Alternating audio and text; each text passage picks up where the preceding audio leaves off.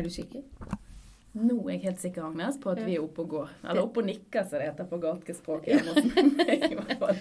Du, jeg eh, tenkte at vi skulle lage oss en podkast som handler egentlig om ja, informasjon Mm. og samtykke i forhold til de rettigheter og lover og regler som ligger rundt dette med rekvireringsrett. Mm. For nå har vi jo laget en podkast med en jurist, Mhm. og så har jeg gjort meg noen refleksjoner på at der er mange, det er helt klart lovverk. Ja. Og så er det noen unntak. Mm. Og så er det noe med kommunikasjon som på en måte da står litt sånn sentralt. Og det som jeg tenkte som du har veldig god kompetanse på, Agnes, er jo nettopp det å snakke med ungdommene. Og gjøre det på en klok måte. Takk for den, du. Og, Ja. og så lurte jeg på én ting. For det, denne, helse, denne eh, lovverket sier jo at eh, foreldre skal som utgangspunkt være involvert i all medisinsk behandling for barn under 16 år. Ja. Og så kommer jeg som 15-åring eller 14-åring til deg og vil ha prevensjon. Hva tenker du om det? Ja, altså det tenker jeg Altså jeg vet jo at det finnes unntak fra denne loven. Eh, og mitt eh, anliggende, som det heter, det er jo å hjelpe de som kommer til meg, for de kommer av en grunn. Mm. Eh, og så må jeg vurdere hvordan er denne eh, personen som kommer til meg. Eh, er de i stand til å bruke prevensjon? Hva trenger de denne prevensjonen til? Så det må vi ha, ha en samtale om. Mm. Og så må jeg eh, også vurdere i forhold til eh, Nei, eh, jeg må vurdere eh, i forhold til hvordan jeg forteller de hva slags type taushetsplikt jeg har. Eh, jeg har jo den taushetsplikten som vi alle vet, at jeg må formidle videre hvis jeg opplever at det er fare for liv og helse. Ja. Samtidig så vil jeg alltid si til en ungdom som kommer eh, for dette, og si at jeg har taushetsplikt, men jeg kommer aldri til å gjøre noe uten å ta med deg i den vurderingen. Ja. Eh, og så er det viktig for meg at jeg får en relasjon, og at jeg oppnår tillit til denne ungdommen.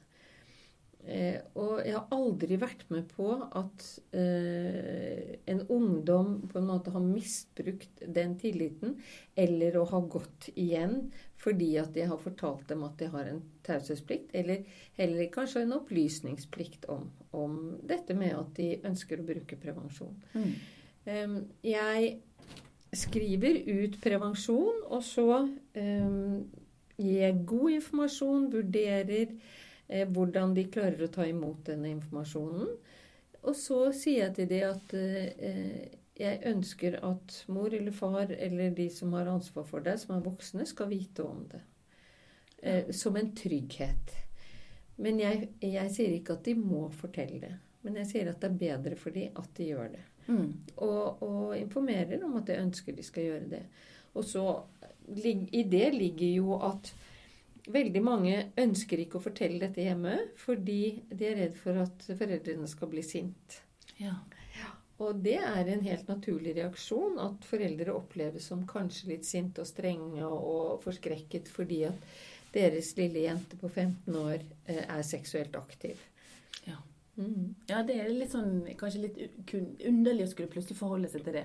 Ja, i hvert fall hvis de ikke har kanskje den nærheten og sett hva som kommer, at det er kjærester som kommer inn og ut av døren eller er Mm. hjemme eller sånn, så, så kan det være vanskelig. Men, men det handler jo om at, å forklare og informere hvordan voksne reagerer når de blir forskrekket. Eh, også å gi dem på en måte et redskap som sier det at de, de tar faktisk ansvar. Mm. Eh, Jeg heier på de, og jeg tenker at det er de som er de ansvarsfulle her. Et alternativ kan være at foreldrene blir besteforeldre, Ja. og det vil de ikke. Nei, det er et godt poeng. Ja. et veldig godt poeng, Ja. Men når du sier, jeg, jeg syns jo det var en veldig sånn positiv vinkling at du tar ansvar. Men, men så sier du at du ber de om å Altså du orienterer dem om at du tror det er lurt at de forteller det hjemme selv. Mm. Eh, Opplever du at mange gjør nettopp det, eller opplever du at uff, nei, det gjør jeg ikke, eller kan du gjøre det for meg, Agnes? Mm. Jeg opplever at de aller fleste gjør det. Ja. At de har såpass åpent forhold. eh, Og jeg kan også gjøre det. Jeg har opplevd flere ganger at vi har kalt inn i skolehelsetjenesten f.eks. mor, eller også far, eh, og, sagt at nå ønsker datteren prevensjon. Ja. Mhm. Og det kan også være fordi at de ønsker eh, prevensjonsmidler for å stoppe noen blødninger. Mm. Og det kommer mødre med barna sine på helsestasjon for ungdom for at vi skal skrive ut prevensjon til dem. Så jeg opplever jo en åpenhet, Ja. men samtidig så, så vet vi at noen ikke gjør det. Mm. Eh, og eh, I utgangspunktet så har vi jo nå skrevet ut p-piller til de yngste. Og da er det sånn at av og til så gjemmer de p-pillene sine så godt at de glemmer de. Og det snakker vi litt om også. Mm. ja, for det er jo et kjempeproblem. den Det er et kjempeproblem, men, men nå er det jo også sånn at førstevalget vårt er ikke p-piller lenger. Nei. Nei, det er en p-stav, og den syns.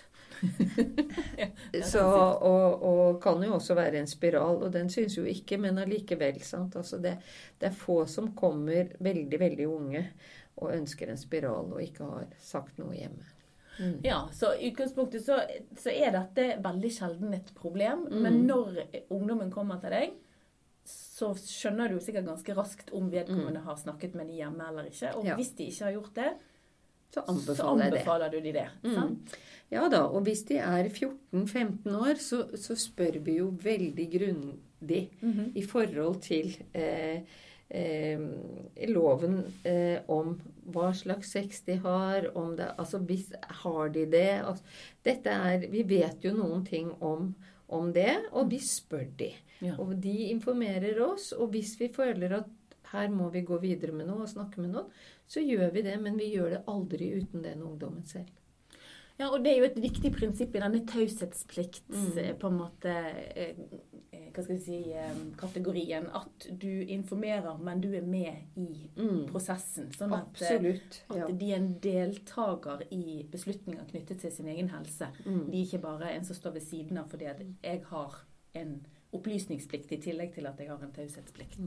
Så må vi jo også vite det at de kommer til oss fordi de er seksuelt aktive. Mhm. Og vi ønsker jo å forhindre at de blir gravide. Ja.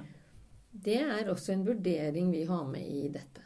ja, da er du tilbake til det med ansvar og det å være ansvarlig. Så ungdommen er jo ansvarlig, Agnes. Ja, ungdommen er ansvarlig, punktum. Ja, men da tror jeg det er det siste.